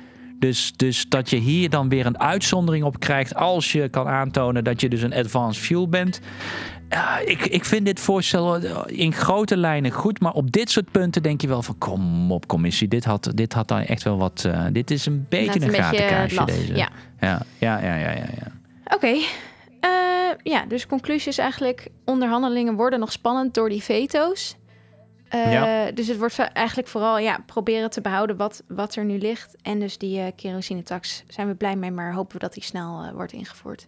Sneller ingevoerd en nog wat van, van dat soort rare uitzonderingen eruit ja. slopen. Ja. Maar ja, daar hebben we unanimiteit van de lidstaten voor het uiteindelijke deal nodig. Dus het is een beetje een ander beestje deze. Ja, oké, okay, duidelijk.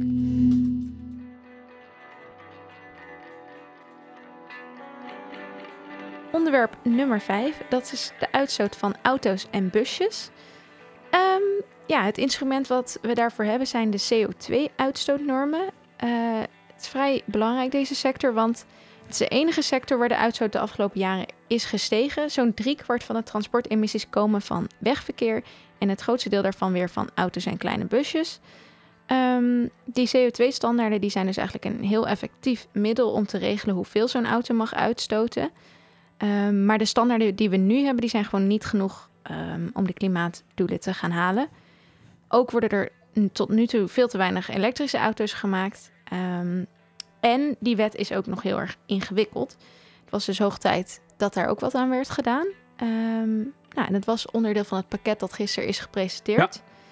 Ja. Uh, ja. ja. Bas, kan je kort vertellen wat er in dat, in dat voorstel staat? Uh, kort, uh, hoorde ja. ik je zeggen. Ja, kijk, Um, wat, waar de meeste politieke aandacht naartoe zal gaan, is het jaartal dat er nu is ingeschreven waarop er naar een nul uitstoot moet mhm. gaan. Um, dat is niet per se het einde van de verbrandingsmotor. Het, voorstel zegt het moet een nul uitstoot zijn. Maar eh, als je nu al gaat kijken naar aankondigingen van, van heel veel auto-industrie. Volkswagen heeft al aangekondigd wij gaan naar elektrisch. Uh, uh, Volvo heeft dat gedaan, Opel heeft dat gedaan, General Motors, Ford. Uh, de facto betekent dit het einde van de verbrandingsmotor. Ja. En zeg maar, uh, het lijkt allemaal naar elektriciteit te gaan. Dus de, de, de elektrische auto. Maar goed, het beleid zegt het moet naar een nul uitstoot. Dus je, je, zou ook andere manieren kunnen. Maar dit, dit is wel gewoon de facto het einde van de verbrandingsmotor. En het jaartal dat daarvoor is ingeschreven is 2035. En daar ging natuurlijk de meeste politieke aandacht naartoe. Uh, en zal ook zeker nog uh, in de onderhandelingen. Want uh, nou ja, er waren natuurlijk landen, met name de autolanden. Dus denk Frankrijk, Italië en Duitsland. Mhm. Die wilden eigenlijk dat jaartal naar achteren duwen. Dat eigenlijk moest de auto-industrie gewoon meer tijd krijgen.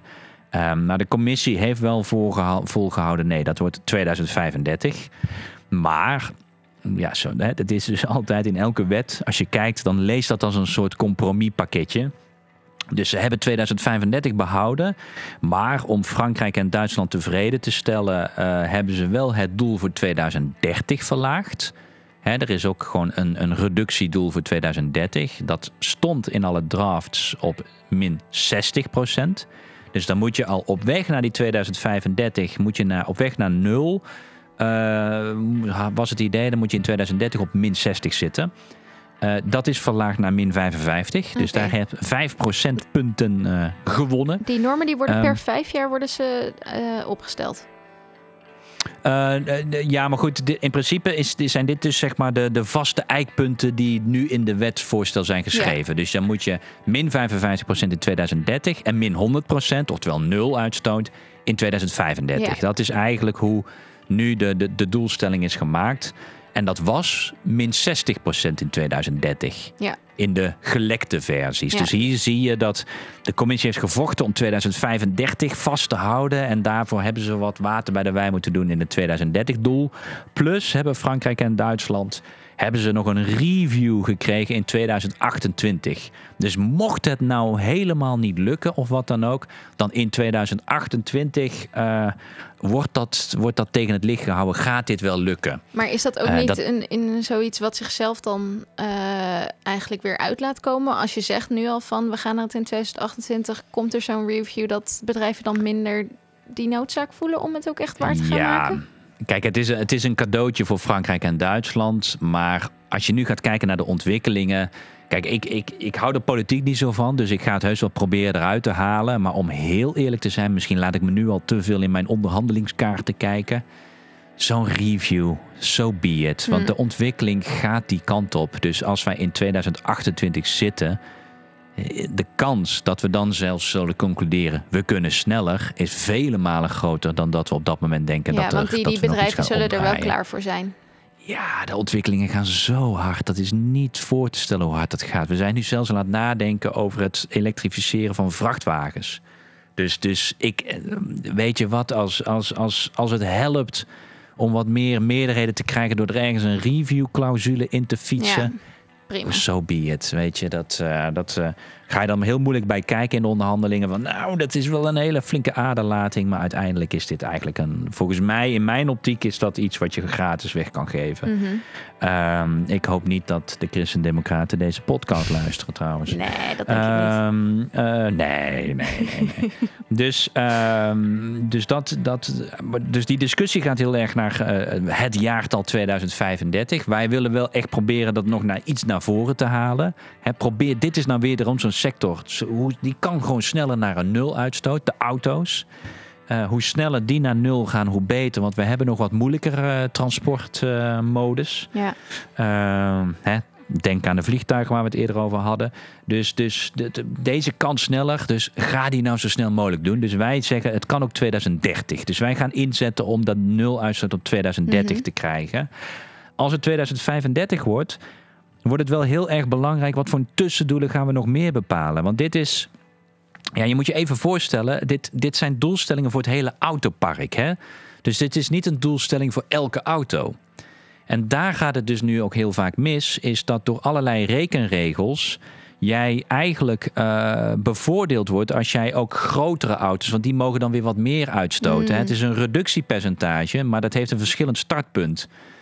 Dus, dus grote auto's mogen meer uitstoten dan kleine auto's, omdat ze dat doen. Maar het is ergens ook wel heel raar, want dit zorgt nou precies voor waarom in totaal onze uitstoot nog steeds toeneemt. Elke auto wordt wel efficiënter, maar we gaan steeds grotere auto's ja, kopen. Ja, ja. Maar ja, uiteindelijk zal je op nul moeten uitkomen. Dus dan zullen ook Precies. die grote auto's gewoon elektrisch moeten worden. Ja, en daarom worden die tussendoelen belangrijk. Ja. Want als jij dus maar, stel je voor, we zouden nu niks doen. En we zeggen alleen maar 2035 moet je nul zijn, veel plezier. Ja, wat je dan gaat krijgen is dat men nu nog vooral toch op grotere auto's inzet. Kun je gewoon meer geld mee verdienen. Dan gaat er eigenlijk die uitstoot naar, naar, nog naar boven voordat je naar die nul gaat. Daarom heb je veel liever, moet je wat, wat tussendoelen gaan formuleren, zodat je eigenlijk die neiging om grotere auto's te maken gewoon al eerder ombuigt.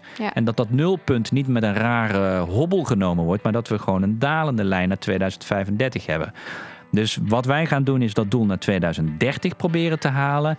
En ook meer bindende tussendoelen, zodat, zodat de neiging om, uh, om, om, om naar grotere auto's te gaan sneller naar beneden wordt gebogen. Dus dit, dit is wel de, nou ja, de, de, de strijd die in deze, in deze wetgeving gaat komen.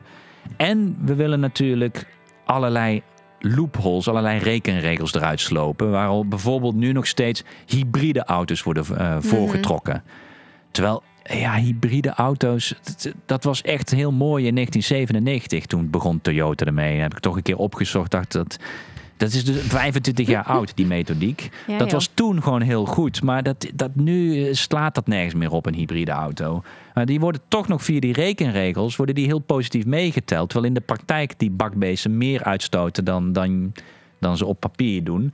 Um, nou ja, dat, dat wordt allemaal positief nog meegeteld. Dat willen we er ook proberen uit te slopen. Zodat eigenlijk dit gewoon een wet wordt die zo snel mogelijk naar een nul uitstoot gaat voor onze nieuwe auto's. Ja, want dat is, wel belangrijk. nieuwe auto's. Het gaat om nieuwe auto's. Ja, ja, ja, Het is niet dat iedereen in 2030 dan in één keer zijn auto moet inruilen.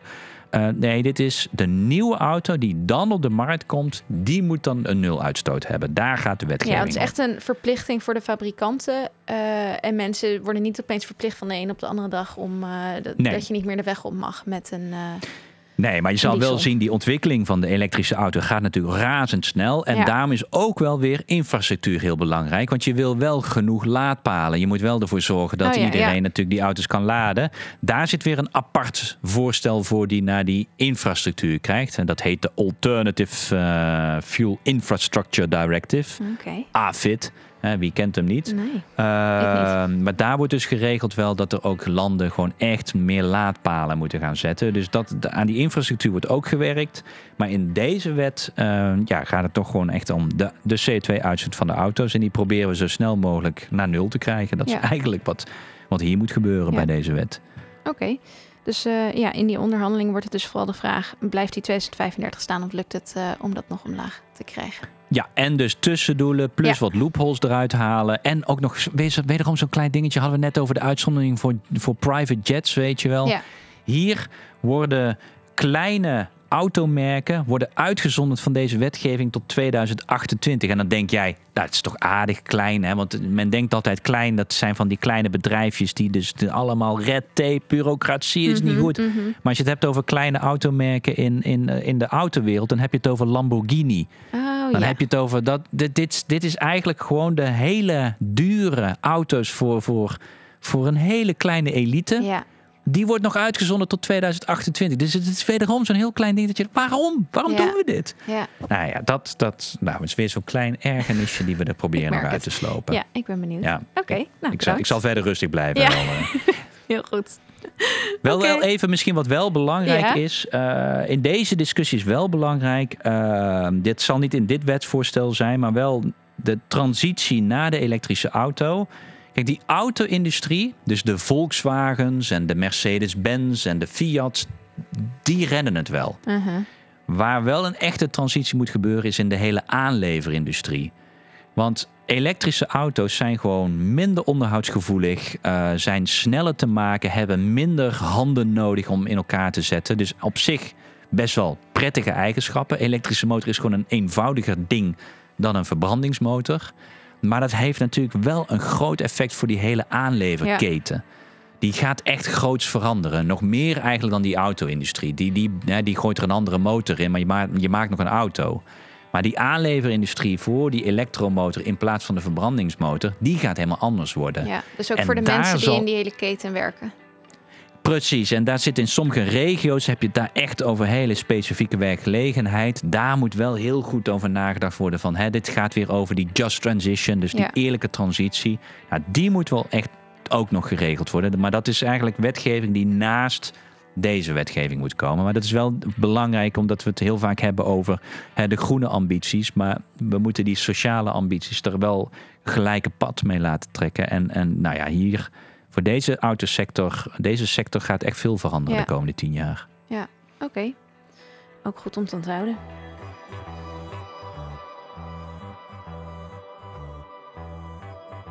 Het zesde en laatste onderdeel waar we het vandaag over gaan hebben, dat is energiebesparing. Want we hebben het heel veel gehad over hoe je meer duurzame energie moet opwekken. Maar ja, om die klimaatdoelen te halen is het eigenlijk ook heel effectief om gewoon minder energie te gaan verbruiken. Ehm, er zijn daar ook richtlijnen voor die nu ook zijn hervormd. Eh, ja, die gaan over energie-efficiëntie. Dus hoe gaan we minder energie verbruiken? Eh, en dus slimmer ook energie verbruiken.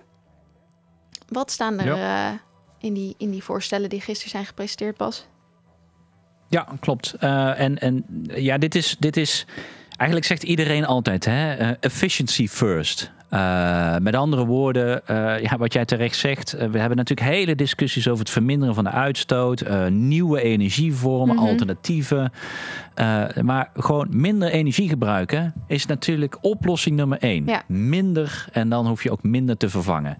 Heb je ook minder windmolens nodig? Hè? Dus ik bedoel, je hebt meer duurzame energie, maar ja, ge- gewoon minder energie gebruiken. En, en dit geldt natuurlijk voor alle sectoren. Eh, hè, industrie kan zuiniger worden. Maar de, de grote sector waar we het hier over hebben, is die bebouwde omgeving. Eh, daar is nog zoveel energiewinst eh, te behalen. Eigenlijk in de winter zijn wij nog een heel groot deel, zijn wij gewoon de buitenlucht aan het opwarmen. En, en dat is niet alleen zonde van de energie, dat is niet alleen slecht voor het klimaat, het is ook stom voor je eigen Ja. portemonnee. Want je bent gewoon geld aan het weggooien voor het opwarmen van de buitenlucht. Dus huizenisolatie, renovatie, dat, dat, dat zijn de grote stappen. Levert ook nog banen op. Dus dit is, dit is eigenlijk een no-brainer. Ehm, maar toch, tot nu toe is energiebesparing de minst bindende doelstelling van alle klimaatdoelstellingen geweest. Dus iedereen zegt altijd wel efficiency first. En vervolgens heb je hier dus eigenlijk de minste eh, bindendheid. Onder andere door Nederland, want die zegt van... ja, dit gaat vooral over gebouwen en gebouwen, dat is nationaal. Dus daar heeft Europa niks mee te doen. Maar wat is dan, een- waarom zouden ze dat liever in eigen hand houden? Want ja, uiteindelijk moet het toch gebeuren. Totaal niet rationeel. Dit is een beetje zo van... nee, dat vinden we ook niet fijn als Europa dat gaan doen. Dus, ja, dus, dus in eigen Nederland hand tot, houden. Ja, het is onzin. Het is echt zo. Oh, ja, ja, goed. Laten we daar maar niet verder over. Want ik, ik ga me nu alweer opwinden. Maar ehm, eh, dus energiebesparing. Zorg nou dat, dat we daarop gaan leveren. Eh, nou, wat goed is, is dat de commissie, hè, een van die vele voorstellen, is dus energiebesparingsrichtlijn. Wat de commissie eh, gaat proberen, is, we hebben ze al een keer geprobeerd, maar ze gaan het weer een keer proberen, is om toch de doelstelling bindend te maken. Dus dat, dat is positief. Dat is stel daarvan echt eh, complimenten commissie. Jullie proberen het bindend te maken. Want tot nu toe was het dus meer gewoon een advies. Was het een, een richtinggevend aspirationeel doel? Ah, Ja, ja, Mooi. ja, echt onbegrijpelijk. Eh, daarom overigens, die halen we dan ook niet. Hè? Dus we halen de doelen voor uitstoot, we halen de doelen voor duurzame energie, maar energiebesparing haalt, Eu- ligt Europa nee, achter. dus dan zie je wel dat echt bindende doelen stellen, ja, dat dat ook de Ja, kans echt vergroot dat, dat er iets mee ook- gaat gebeuren. Mooi zijpadje, hè? er wordt wel eens geklaagd. Ja, jullie groenen willen altijd alles bindend en verplichtend en alles. Nou, het hoeft niet zo te zijn, maar de ervaring ziet, laat hier gewoon weer zien dat als je het niet bindend maakt, Ja. gebeurt het niet. Ja, je ja, dan word je bijna gedwongen, ook, ja, dan word je bijna gedwongen het maar weer bindend te doen. Ja, Maar goed, ehm, ehm, dat doet de commissie. Maar er zijn wel twee teleurstellingen. Ten eerste, het is weer Europees bindend, maar indicatief voor de lidstaten. Dus dan ga je weer zo'n rare discrepantie krijgen tussen van ja, wat betekent Europees bindend? Want uiteindelijk de actie is vooral nationaal. Mhm. Dus wij hadden het ook voor landen bindend willen zien. En het ambitieniveau, het was 32,5% en dat gaat naar 36%. Dat is eigenlijk een hele beperkte stap. En dat is eigenlijk heel raar. We gaan dus overal best wel forse stappen vooruit in onze ambities. En dan energiebesparing gaan we een klein stapje aanscherpen. En wat zegt dat percentage dan? Dus hoeveel minder eh Ten opzichte van de baseline. Dus normaal, hè, hoeveel je normaliter gebruikt. Ja? En dan moet je dan 36% uiteindelijk in 2030 Oké. efficiënter zijn. Eh, en, en het doel was al 32,5%. Dus eigenlijk maken we maar een klein Ja. stapje hier. Dus, dus hier zit wel echt van...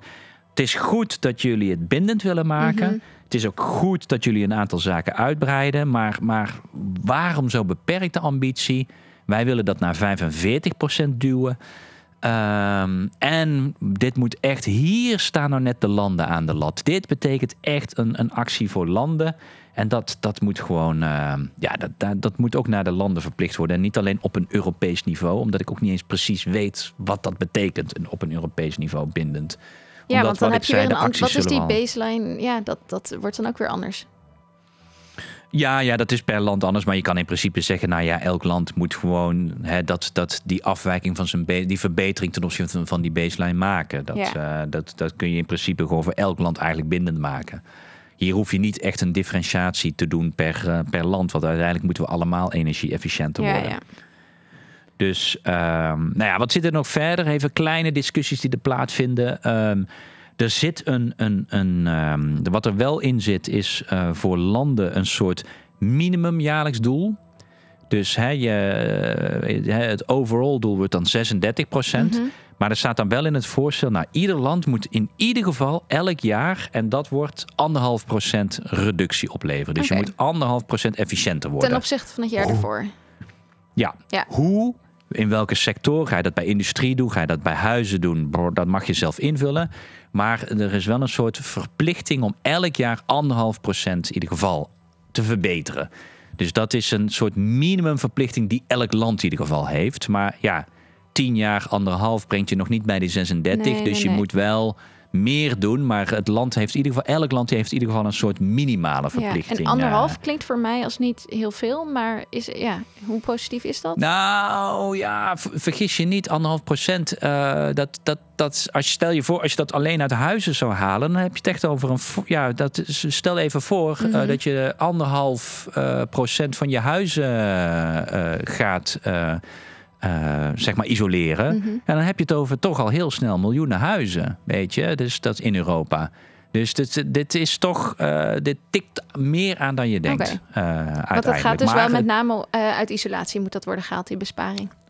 Nou, kijk, als ik als land zo'n percentage moet halen, dan de sector waar je het meest kan gaan halen, is wel uh, is, is industrie en bebouwde omgeving okay. eigenlijk. Dat, daar, dat zijn wel de twee sectoren waar je, waar je dit uit moet gaan halen. Wat ook wel goed is, is dat er een verplichting komt voor de overheden om publieke gebouwen elk jaar 3% te gaan renoveren. Dus dat is ook wel. Uh, Oké, okay, en, publieke gebouwen, dat zijn dus die in handen zijn van de overheid. Dus dat is dan extra makkelijk Precies uh, om al een eerste slag in te slaan. Uh.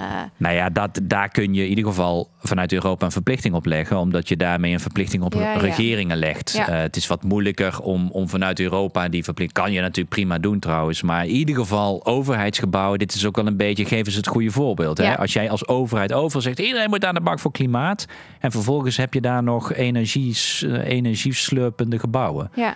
Dat is niet handig. Dus, dus in die zin uh, dat er gewoon een renovatie van publieke gebouwen komt, is ook wel uh, logisch.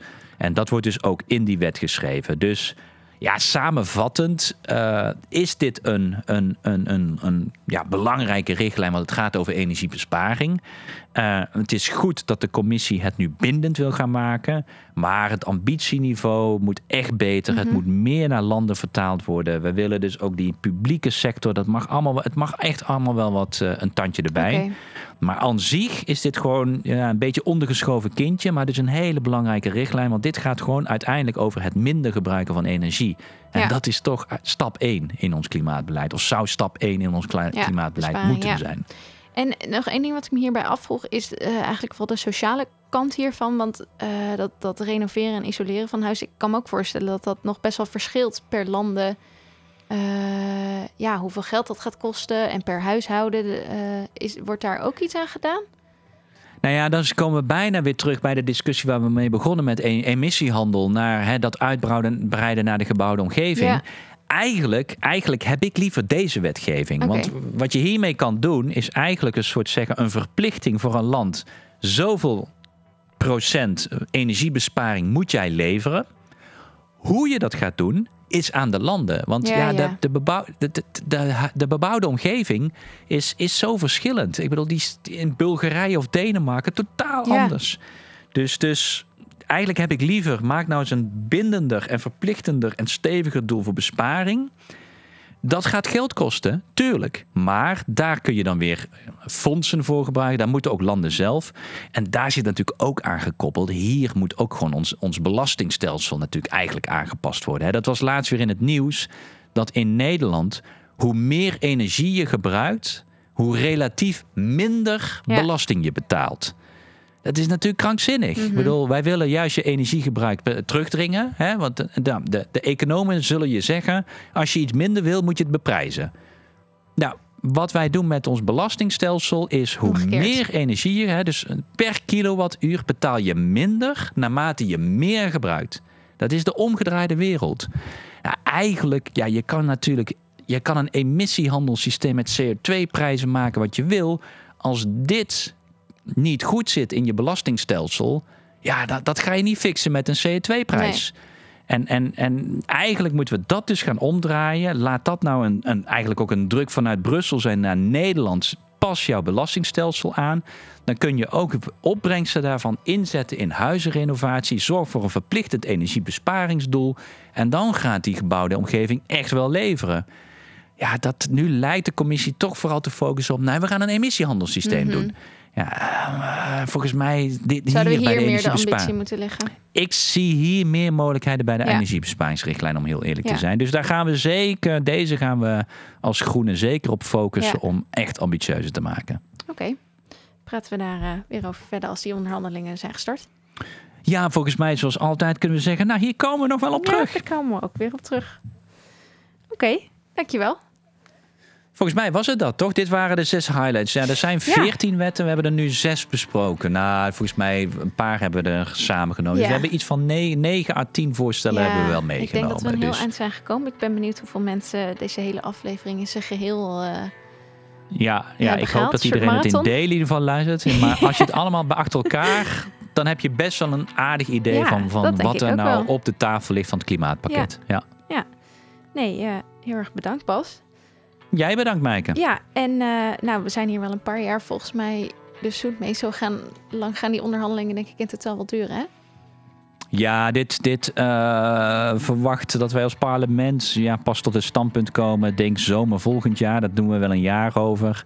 De lidstaten misschien nog zelfs langer. En dan moeten we er nog gezamenlijk uitkomen. Ja. Dus dit is eind 2022. Maar wees niet verbaasd als we zelfs 2023 nog ingaan. Ja, nou ja, dan hebben we nog wat uh, te doen.